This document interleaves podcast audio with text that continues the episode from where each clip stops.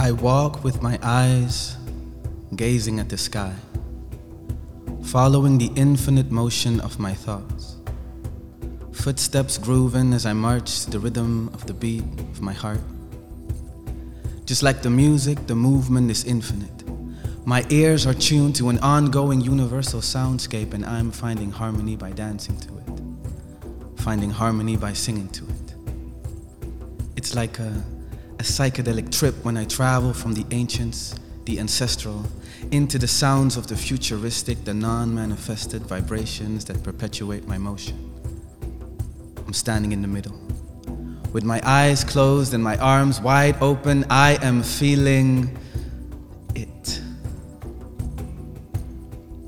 You see, life is as real as it feels, and I feel like offering some of my real to the real that you feel so we can feel together. So we can get real together. Are you feeling?